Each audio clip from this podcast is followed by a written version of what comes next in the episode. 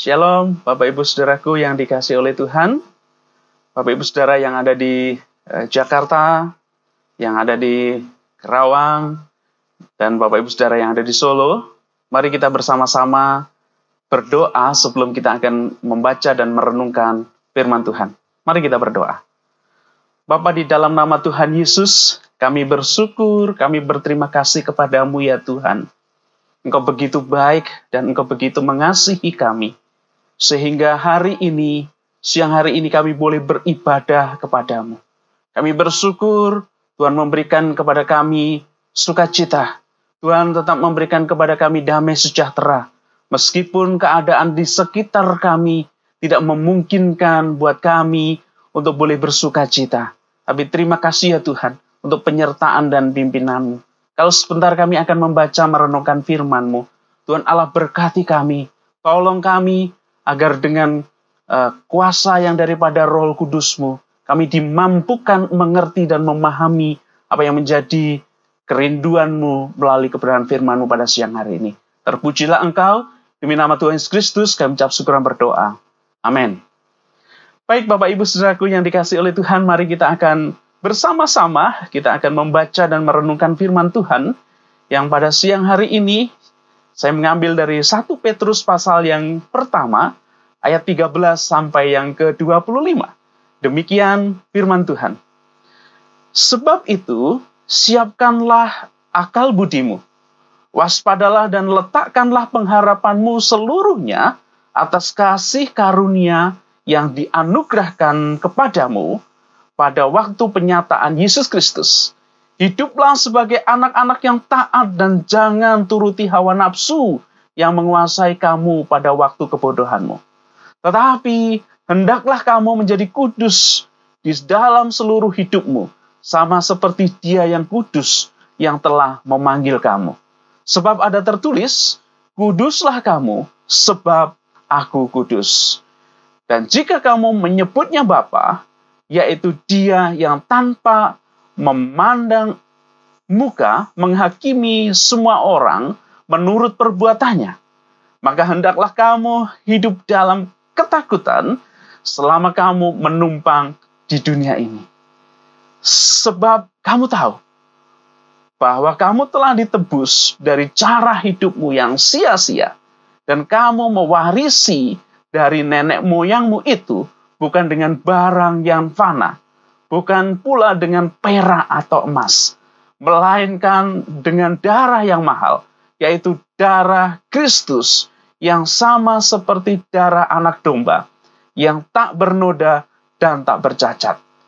Ia telah dipilih sebelum dunia dijadikan, tetapi karena kamu baru menyatakan dirinya pada akhir zaman.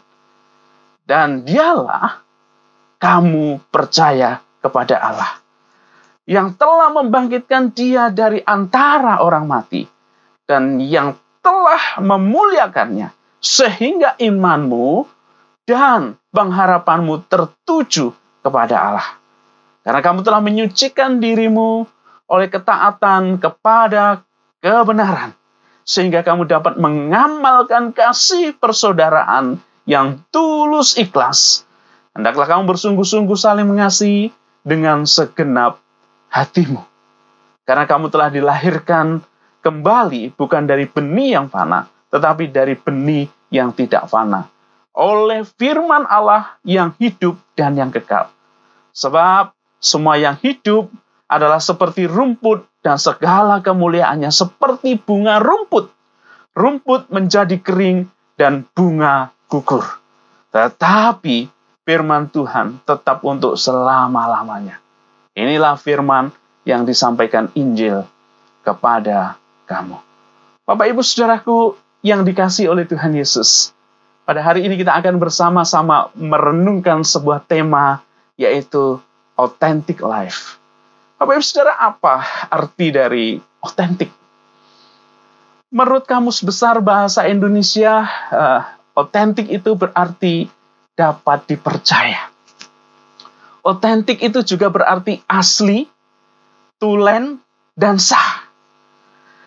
Namun Bapak Saudara, kalau kita perhatikan dari arti otentik yaitu asli, tulen, dan sah.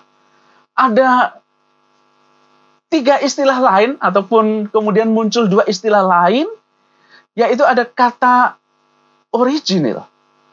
Kata original itu memiliki arti asli, namun asli bukan dalam pengertian lawan dari palsu, tetapi asli yang pertama atau yang awal dan hal ini dikaitkan biasanya dengan sesuatu uh, yang pertama kali dihasilkan. Seperti misalkan, pertama kali yang menyanyikan sebuah lagu, ya, pertama kali ya, yang uh, memunculkan sebuah produk, maka kata original itu berarti yang pertama kali, asli yang pertama kali dari yang ada. Nah, itu arti dari kata original. Yang kedua adalah kata genuine, Bapak Ibu Saudara. Nah, kata genuine itu berarti lawan dari kata palsu. Nah, kalau kita berbicara tentang produk, bisa saja produk itu disebut genuine, tetapi tidak original. Sebab atau karena sebuah produk itu mengalami sebuah perubahan. Tetapi ya itu genuine. Tetapi dia itu sebenarnya juga asli. Tetapi mungkin bukan yang pertama, tetapi sudah oleh karena pengembangannya. Nah, ini kata genuine Bapak Ibu Saudara. Dan yang ketiga yaitu kata otentik. Otentik itu sendiri uh, sebuah uh, jikalau itu diperkenalkan dari sebuah produk yaitu benar-benar dari aslinya atau uh, produk itu memang diproduksi gitu ya. Memang diproduksi dan produk itu dari awal berasal dari pabrik tersebut yang memproduksinya. Dan kalau itu autentik berbicara tentang sebuah sejarah, maka hari itu berkaitan dengan sebuah dokumen yang dokumen itu sudah terverifikasi dan dokumen itu didukung oleh bukti-bukti dan fakta-fakta yang tidak terbantahkan. Makanya ini sangat-sangat menunjukkan sebuah keotentikan. Lalu kalau itu digambarkan dengan seorang individu Bapak Ibu Saudara, maka seorang yang otentik ini adalah seorang yang tidak dibuat-buat di dalam hidupnya. Tidak dibuat-buat sewaktu dia mengekspresikan dirinya. Jadi hidupnya itu memang apa adanya. Hidupnya itu tidak memakai sebuah topeng. Dan saat dia melakukannya, atau saat dia bertindak ataupun melakukan sesuatu apa pun, dia itu tidak punya tujuan untuk membanggakan diri sendiri, tidak punya tujuan untuk menyatakan siapa dirinya sendiri, sehingga dari yang dia lakukan itu, orang lain itu kemudian memujinya. Orang lain itu kemudian melihatnya dan kemudian memberikan kepada dia uh, uh, sebuah pujian. Nah, orang yang otentik atau pribadi yang otentik tidak seperti itu. Tetapi orang yang berpribadi otentik itu yang mengekspresikan dirinya itu dengan apa adanya. Tidak ada tujuan yang lebih daripada dirinya. Tetapi orang yang ada di sekitarnya itu dia akan merasa nyaman oleh karena keberadaan dirinya. Nah, Bapak Ibu kalau di dalam uh, bidang psikologi, autentik itu menjelaskan tentang seorang yang menjalani sebuah kehidupan sesuai dengan jati dirinya, sesuai dengan nilai-nilai pribadinya. Dan ketika dia melakukan sesuatu itu tidak dengan terpaksa mengikuti tuntutan masyarakat, tapi melakukan itu semata-mata memang dia harus menjalaninya sesuai dengan jati dirinya. Maka kalau kita mau berbicara tentang sebuah authentic life itu, maka itu berbicara tentang soal kehadiran hidup kita. Dan saat kita menjalaninya, menjalaninya dengan penuh menjalinnya penuh dengan sebuah keyakinan bahwa yang kita lakukan itu tidak dengan kepura-puraan. Namun yang kita lakukan itu penuh dengan sebuah kejujuran, penuh dengan sebuah integritas. Dan ketika itu kita lakukan, maka sebuah kejujuran dan integritas itu akan membuat orang yang ada sekitar kita itu merasa nyaman. Nah, Bapak Ibu Saudara, Larry Kleider itu uh, memberikan ciri-ciri ke orang percaya yang memiliki pribadi otentik itu di antaranya yang pertama adalah dia itu memiliki hubungan pribadi yang kuat dengan Tuhan. Yang dibuktikan dengan tekun membaca kebenaran firman Tuhan. Lalu yang kedua, dia memiliki hasrat dan keinginan yang kuat untuk menyembah Tuhan. Adanya kerinduan, adanya sebuah kesukacitaan saat memuji memuliakan nama Tuhan. Dan yang ketiga, adanya sebuah pertobatan dari dosa. Adanya takut untuk melakukan dosa.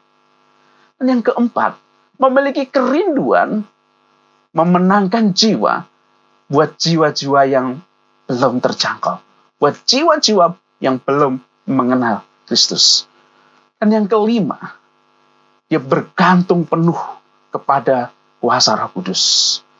Dan yang keenam, dia sangat menjunjung dan menghargai akan kesatuan sebagai orang percaya. Seperti yang didoakan oleh Tuhan Yesus di dalam Yohanes pasal yang ke-17. Dan yang ketujuh, Bapak Ibu Saudara, kasih yang nyata terhadap ses sesama, terlebih kepada orang yang termarginalkan. Nah, itu menjadi sebuah fokus, sebuah kerinduan di dalam hidupnya. Dan yang kedelapan, hidup kudus dan berintegritas itu menjadi uh, pribadi atau menjadi sebuah nilai dan karakter yang dimiliki oleh seorang yang percaya. Nah, Bapak Ibu saudaraku yang dikasih oleh Tuhan. Dari bagian ini di dalam 1 Petrus 1 ayat 13 sampai 25 ini. Mari kita akan belajar akan sebuah kehidupan yang otentik. Sebuah kehidupan yang menunjukkan sebagai orang percaya. Meskipun mungkin di dalam tengah-tengah kehidupan pergumulan yang tidak menentu di tengah-tengah kondisi yang tidak memungkinkan. Kita melihat seperti yang Pak Petrus tuliskan kepada jemaat yang ada di perantauan, kepada jemaat pendatang yang berada di banyak tempat. Secara khusus Paulus, uh, Petrus merindukan bahwa hidup mereka sebagai hidup seorang yang percaya kepada Kristus menyatakan kehidupan yang otentik. Dan pada siang hari ini, Mari kita yang pertama kita akan merenungkan. Apa yang menjadi ciri sebagai seorang atau bagaimana seorang itu bisa memiliki kehidupan yang otentik. Yang pertama Bapak Ibu sejarah. Kehidupan yang otentik itu didasarkan pada iman yang benar. Sekali lagi, kehidupan yang otentik itu didasarkan kepada iman yang benar. Dalam ayat 21 dikatakan, oleh dialah kamu percaya kepada Allah yang telah membangkitkan dia dari antara orang mati dan yang telah memuliakannya sehingga imanmu dan pengharapanmu tertuju kepada Allah. Bapak Ibu saudaraku yang dikasih oleh Tuhan. Seorang percaya seharusnya mendasarkan hidupnya dan hanya didasarkan iman yang tertuju kepada Kristus. Kristus itu menjadi pedoman di dalam hidupnya. Kristus itu menjadi dasar di dalam hidupnya. Seluruh uh, pengajaran, seluruh kebenaran, seluruh hidup kita didasarkan kepada Kristus. Dan itu yang menjadi dasar di dalam kehidupannya. Saudaraku yang dikasih oleh Tuhan. Sudah berapa lama kita percaya kepada Kristus? Sudah berapa lama kita menjadi orang Kristen? Sudah berapa lama itu ternyata tidak menentukan bahwa kita ini menjadi semakin mirip dengan Kristus. Meskipun kita beribadah kepada Tuhan, meskipun kita memuji memuliakan nama Tuhan, tapi ternyata itu tidak bisa membuktikan kita bisa mirip dengan Kristus. Kadang Kristus itu hanya uh, dijadikan sebagai idola saja. Kristus itu dijadikan uh, sebagai tokoh saja. Menjadi tokoh yang diidolakan, tokoh yang kemudian disanjung-sanjung saja mungkin. Dan Kristus itu mungkin hanya uh, sebagai figur yang bisa menolong dan dibutuhkan saat diperlukan saja. Dan Kristus itu tidak diikut sertakan di dalam seluruh agenda dan rencana hidup daripada kita. Dan Kristus itu pada akhirnya tidak dijadikan dasar di dalam kehidupan kita. Namun seorang yang memiliki kehidupan otentik itu hidupnya didasarkan kepada iman yang benar. Kepada iman Kristus itu sebagai Tuhan kita sebagai juru selamat kita, sebagai pribadi yang memang sudah membebaskan kita dari setiap belenggu dosa kita, dari segala permasalahan dan pergumulan hidup kita. Dan dia adalah menjadi pengentara dan Tuhan kita. Nah, apakah itu menjadi dasar? Apakah itu kemudian menjadi sebuah iman yang terus kita miliki, terus kita lakukan? Bapak Ibu sudah titik awal menjadi seorang yang hidup otentik itu harus percaya dan mempercayai Tuhan. Artinya apa, Bapak Saudara? Mengimani sekali lagi dalam Yesus Kristus yang telah mati dan bangkit dan memberikan jaminan dalam hidup kita. Dan dalam situasi yang sama, menjadi orang yang dapat dipercaya oleh orang lain. Jadi percaya kepada Tuhan, percaya kepada Kristus, lalu dia juga menjadi orang yang dapat dipercaya. Kita menjadi seorang yang kemudian mungkin mudah khawatir di dalam hidup kita. Di dalam menjalani sebuah kehidupan itu menjadi seorang yang mudah khawatir. Namun, kalau hubungan kita ini bertumbuh dan bertumbuh kita mempercayai Kristus, maka kekhawatiran itu akan memudar oleh karena pertumbuhan dan pengenalan kita kepada Kristus. Maka kita dalam hidup kita ini harus belajar. Dan di dalam pertumbuhan itu tentunya akan disertai dengan sebuah pertumbuhan yaitu di dalam doa yang penuh dengan kepasrahan. Di dalam doa yang kita meyakini dan kita hanya percaya menyandarkan sepenuh hidup kita kepada Tuhan. Pak Ibu Saudaraku yang dikasihi oleh Tuhan. Percaya memang bukan sesuatu yang mudah. Demikian kita dapat dipercaya bukan juga sesuatu yang gampang. Dapat dipercaya oleh orang lain itu bukan sesuatu yang gampang. Namun agar kita memiliki dasar percaya yang kuat itu, kita harus mengizinkan Roh Kudus untuk bekerja dan bebas di dalam diri kita. Di dalam Amsal yang ketiga ayat 5 dan 6 di sana dikatakan, Percayalah kepada Tuhan dengan segenap hatimu dan janganlah bersandar kepada pengertianmu sendiri. Aku oleh dia dalam segala lak, akuilah dia dalam segala lakumu, maka ia akan meluruskan jalanmu. Bapak Ibu Saudara, sungguh pengamsal ini mengajarkan kepada kita agar kita mempercayakan seluruh dan segenap hidup kita ini kepada Tuhan.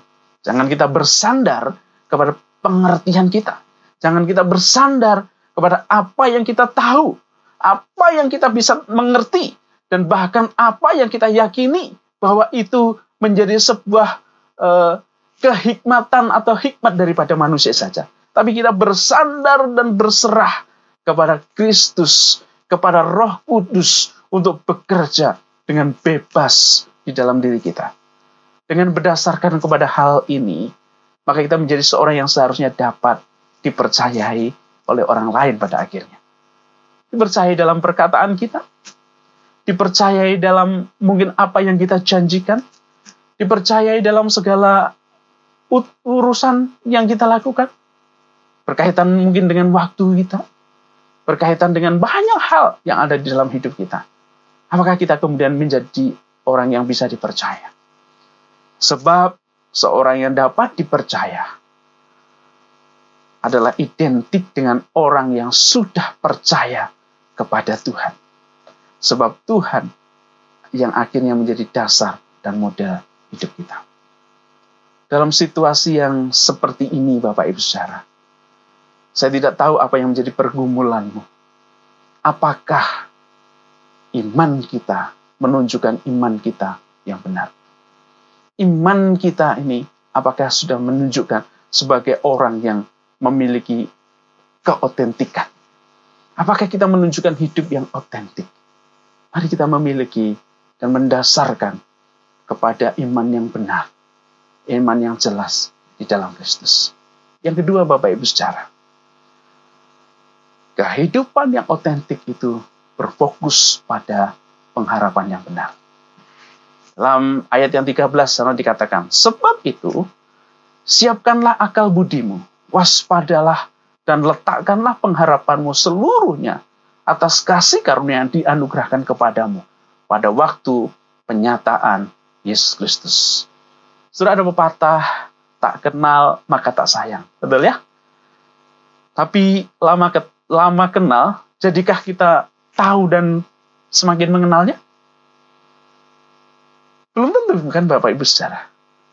Meskipun kita nggak bisa tahu 100%, tapi ternyata kita tidak bisa mengenal bahkan pasangan kita pun dengan 100%. Mungkin saja dalam waktu uh, sebulan, dua bulan, tiga bulan kita menikah, bahkan sudah bertahun-tahun yang menikah, terhadap pasangan pun mungkin kita belum bisa mengenal dengan jelas, dengan pasti siapa pribadi pasangan itu. Bapak Ibu Saudara, maka hal yang sama jika kita berada dalam sebuah komunitas, kita akan bisa mengetahui satu dengan yang lain apa yang menjadi perilaku dan keberbedaan kita. Sehingga kita bisa pada akhirnya jangan mengedepankan sebuah persepsi menilai orang lain. Bapak saudara, ini menjadi sebuah gambaran yang pada akhirnya apa yang menjadi fokus di dalam sebuah komunitas itu. Apa yang menjadi fokus kita sebagai seorang yang percaya sudah seharusnya yang menjadi fokus kita sebagai orang percaya memfokuskan kepada pengharapan yang benar. Kalau kita baca tadi pengharapan yang benar itu dinyatakan ataupun didasarkan kepada pengenalan kasih karunia Allah di dalam Yesus Kristus yang mengajarkan kepada kita kemudian menyiapkan seluruh akal budi kita, waspada dan meletakkan hidup kita, memfokuskannya hanya memandang kepada Kristus. Maka dengan demikian, sebagai seorang yang memiliki kehidupan otentik, yang berfokus pada pengharapan yang benar, hidupnya akan menunjukkan sebuah hidup yang transparan, hidup yang jujur sebagai anak yang taat dan tidak menuruti hawa nafsu, bahkan keinginan-keinginan daging di dalam kebodohan kita. Tapi menjaga hidup tetap kudus di dalam seluruh kehidupannya. Bapak Ibu Saudaraku yang dikasih oleh Tuhan kehidupan yang otentik itu juga ditandai dengan pengharapan kepada Kristus menjadi fokusnya sehingga ia akan lebih terbuka, lebih jujur, lebih transparan menyatakan sisi kehidupannya kepada Tuhan dan tidak ada yang ditutup-tutupi. Supaya yang bermula dari apa yang apa adanya. Jadi dia menyatakan hidup itu apa adanya. Tidak juga menutupi sehingga itu berdampak kepada sebuah relasi. Kalau sudah jadi kehidupan yang otentik itu, yang e, berpengharapan pada Kristus itu, menunjukkan sebuah kehidupan yang transparan, yang jujur, tidak ada hal yang ditutup-tutupi. Apa adanya hidup itu. Dan itulah yang saya percaya. Menjadikan sebuah relasi uh, sangat indah dan sangat harmonis, sangat baik antara satu dengan yang lain, seperti yang dinyatakan dalam 1 Yohanes 1 ayat 7 sampai 9. Saya dikatakan demikian. Tapi jika kita hidup di dalam terang, sama seperti dia ada di dalam terang, maka kita beroleh persekutuan seorang dengan yang lain, dan darah Yesus, anaknya itu, menyucikan kita daripada segala dosa. Jika kita berkata bahwa kita tidak berdosa, maka kita menipu diri kita sendiri dan kebenaran tidak ada di dalam kita. Jika kita mengaku dosa, maka ia setia dan adil sehingga ia akan mengampuni segala dosa kita dan menyucikan kita dari segala kejahatan. Saudaraku yang dikasih oleh Tuhan ini sebuah pernyataan yang begitu jelas bahwa kita uh, harus dengan keterbukaan kehidupan yang berfokus pada pengharapan pada Kristus didasarkan dengan sebuah keterbukaan. Bahkan di dalam sebuah relasi itu ada sebuah keterbukaan satu dengan yang lainnya. Bapak Ibu Saudaraku yang dikasih oleh Tuhan. Mari kita memfokuskan pengharapan kita ini kepada Kristus. Bukan kepada diri kita sendiri bukan kepada apa yang kita miliki, bukan pada apa yang disediakan oleh dunia. Maka seorang yang demikian itu tentunya tidak akan memiliki kepura-puraan di dalam hidup. Tidak sibuk ingin menjadi sempurna, namun lupa penuh dengan ketidaksempurnaan. Tidak ingin lebih benar, namun ternyata menjadi seorang yang masih berdosa. Ingin menerima pujian dan penghargaan. Ingin menjadi atau berusaha menampilkan yang sebenarnya. Bukan menunjukkan keautentikan saja. Sudah kadang kita ini hanya berhias dan bersolek yang luarnya saja. Kita mendandani diri kita mungkin seolah-olah supaya dilihat oleh orang lain itu lebih baik. Tapi seperti di dalam Matius 23 ayat 27. Jangan-jangan kita ini seperti kuburan yang hanya melabur luarnya saja, padahal di dalamnya itu penuh dengan tulang belulang. Kita hanya menghias, kita hanya memperbaiki sesuatu yang bisa dilihat oleh manusia, sesuatu yang mungkin baik dilihat oleh manusia, sedangkan orang yang luar sana melihat tidak melihat jati diri atau karakter hidup kita. Bapak Ibu Saudara, mari kita menjadi orang yang memfokuskan diri kepada Tuhan, hidup dengan jujur, hidup dengan transparan, tidak ada keterpura-puraan, tetapi adanya kejujuran dan transparan menyadari diri kita. Saat kita mulai dengan kejujuran, maka akan mengalirlah kemujuran dalam hidup kita. Sekali lagi, saat kita mulai dengan kejujuran, maka akan mengalir kemujuran di dalam hidup kita. Yang ketiga, Bapak Saudara, yang terakhir. Kehidupan otentik itu merealitaskan kasih dengan benar. Di dalam ayat yang ke-22 di sana dikatakan, karena kamu telah menyucikan dirimu oleh ketaatan kepada kebenaran, sehingga kamu dapat mengamalkan kasih persaudaraan yang tulus ikhlas. Hendaklah kamu bersungguh-sungguh saling mengasihi dengan segenap hatimu. Seorang yang otentik adalah seorang yang mampu menjadikan kasih yang telah diterima itu menjadi sebuah realitas. Jadi bisa menyatakan kasih itu di dalam realitas kehidupannya. Bukan hanya uh, sekedar teori, bukan hanya sekedar bisa berkata-kata dengan baik dan manis, bukan hanya sekedar ucapan yang indah, namun merealisasikan dalam sebuah perbuatan yang nyata. Itulah seorang yang otentik. Seorang yang sungguh-sungguh, maka di dalam kehidupannya uh, menyatakan kasih itu kepada sesamanya. Setelah di tengah-tengah kehidupan mereka yang ada di perantauan itu, mereka menjadi seorang pendatang. Mereka menjadi seorang asing di beberapa tempat yang ada baik itu di Pantos, Baik itu di Galatia, di Kapadokia, Asia Kecil, Bitinia, tentunya Mereka itu memiliki pergumulan-pergumulan yang berbeda. Sebagai seorang pendatang, tentu saja sudah memiliki pergumulan sendiri. Tetapi di sana Petrus mengingatkan agar yang mengamalkan kasih persaudaraan itu dengan tulus ikhlas. Dan bahkan melakukannya itu dengan sungguh-sungguh. Saling mengasihi dan dengan segenap hati. Artinya apa Bapak Ibu Saudara? Seorang yang otentik itu bisa merealisasikan kasih di dalam kehidupannya. Bisa membuktikan diri. Dia bisa melakukan kasih. Bukan menuntut orang lain untuk melakukan.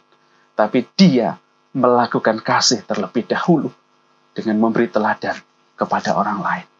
Seorang yang uh, bisa merealisasikan kasih itu, dia juga bisa melimpah dengan ucapan syukur dan dibuktikan dengan berterima kasih dan selalu berterima kasih dengan situasi kondisi yang apa pun dia alami.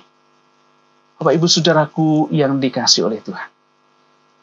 Mari kita belajar di dalam situasi kondisi yang sulit seperti ini, di dalam pergumulan dan masalah yang kita hadapi.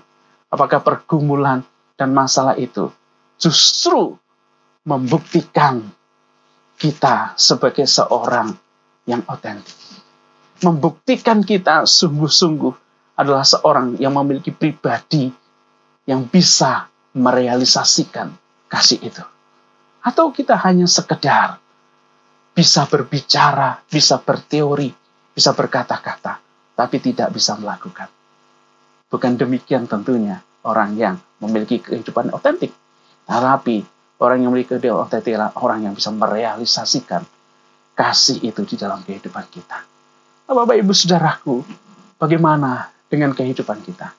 Saya masih mengingat di dalam tiga minggu yang lalu, ada sebuah pergumulan di dalam keluarga kami yang kami alami bersama-sama. Kami sekeluarga mengalami uh, COVID, kami positif COVID. Dan saat itulah Bapak Ibu Saudara, apa yang kami pikirkan? Apa yang kami kemudian rasakan? Kami merasakan bahwa di dalam itu semua, kami terus bersyukur dan bersyukur kepada Tuhan. Karena hanya bersyukur dan bersyukur kepada Tuhan. Itu yang kemudian bisa menolong kita, bisa melalui sebuah kehidupan yang sulit itu. Tetap bersyukur dan tetap bersyukur kepada Tuhan. Dan terbukti Bapak Ibu Saudara, saat kami bisa terus bersyukur, kami terus bersyukur, Tuhan kemudian pulihkan dan kemudian pulihkan. Bapak Saudara dalam sebuah kesulitan yang seperti itu, apakah kita kemudian menyalahkan sebuah keadaan? Apakah kita menyalahkan sekitar kita?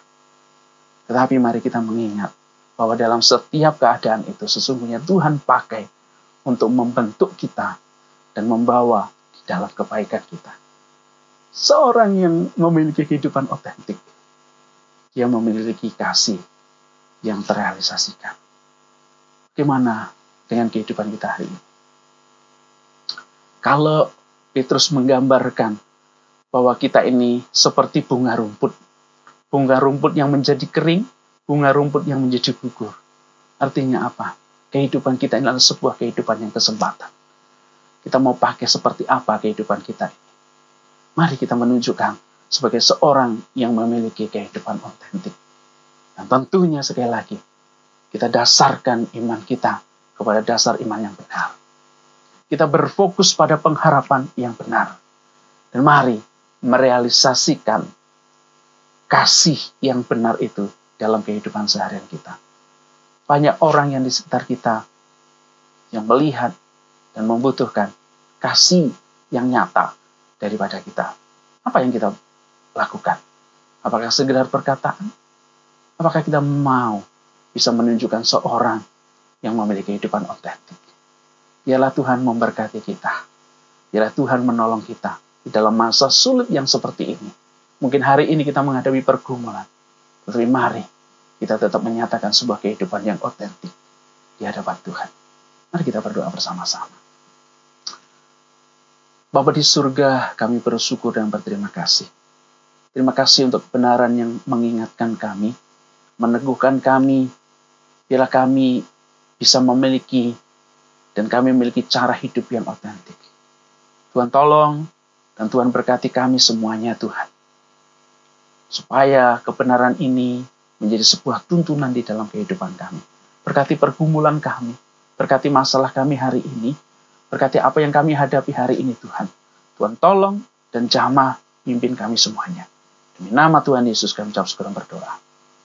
Amin. Tuhan memberkati kita semua.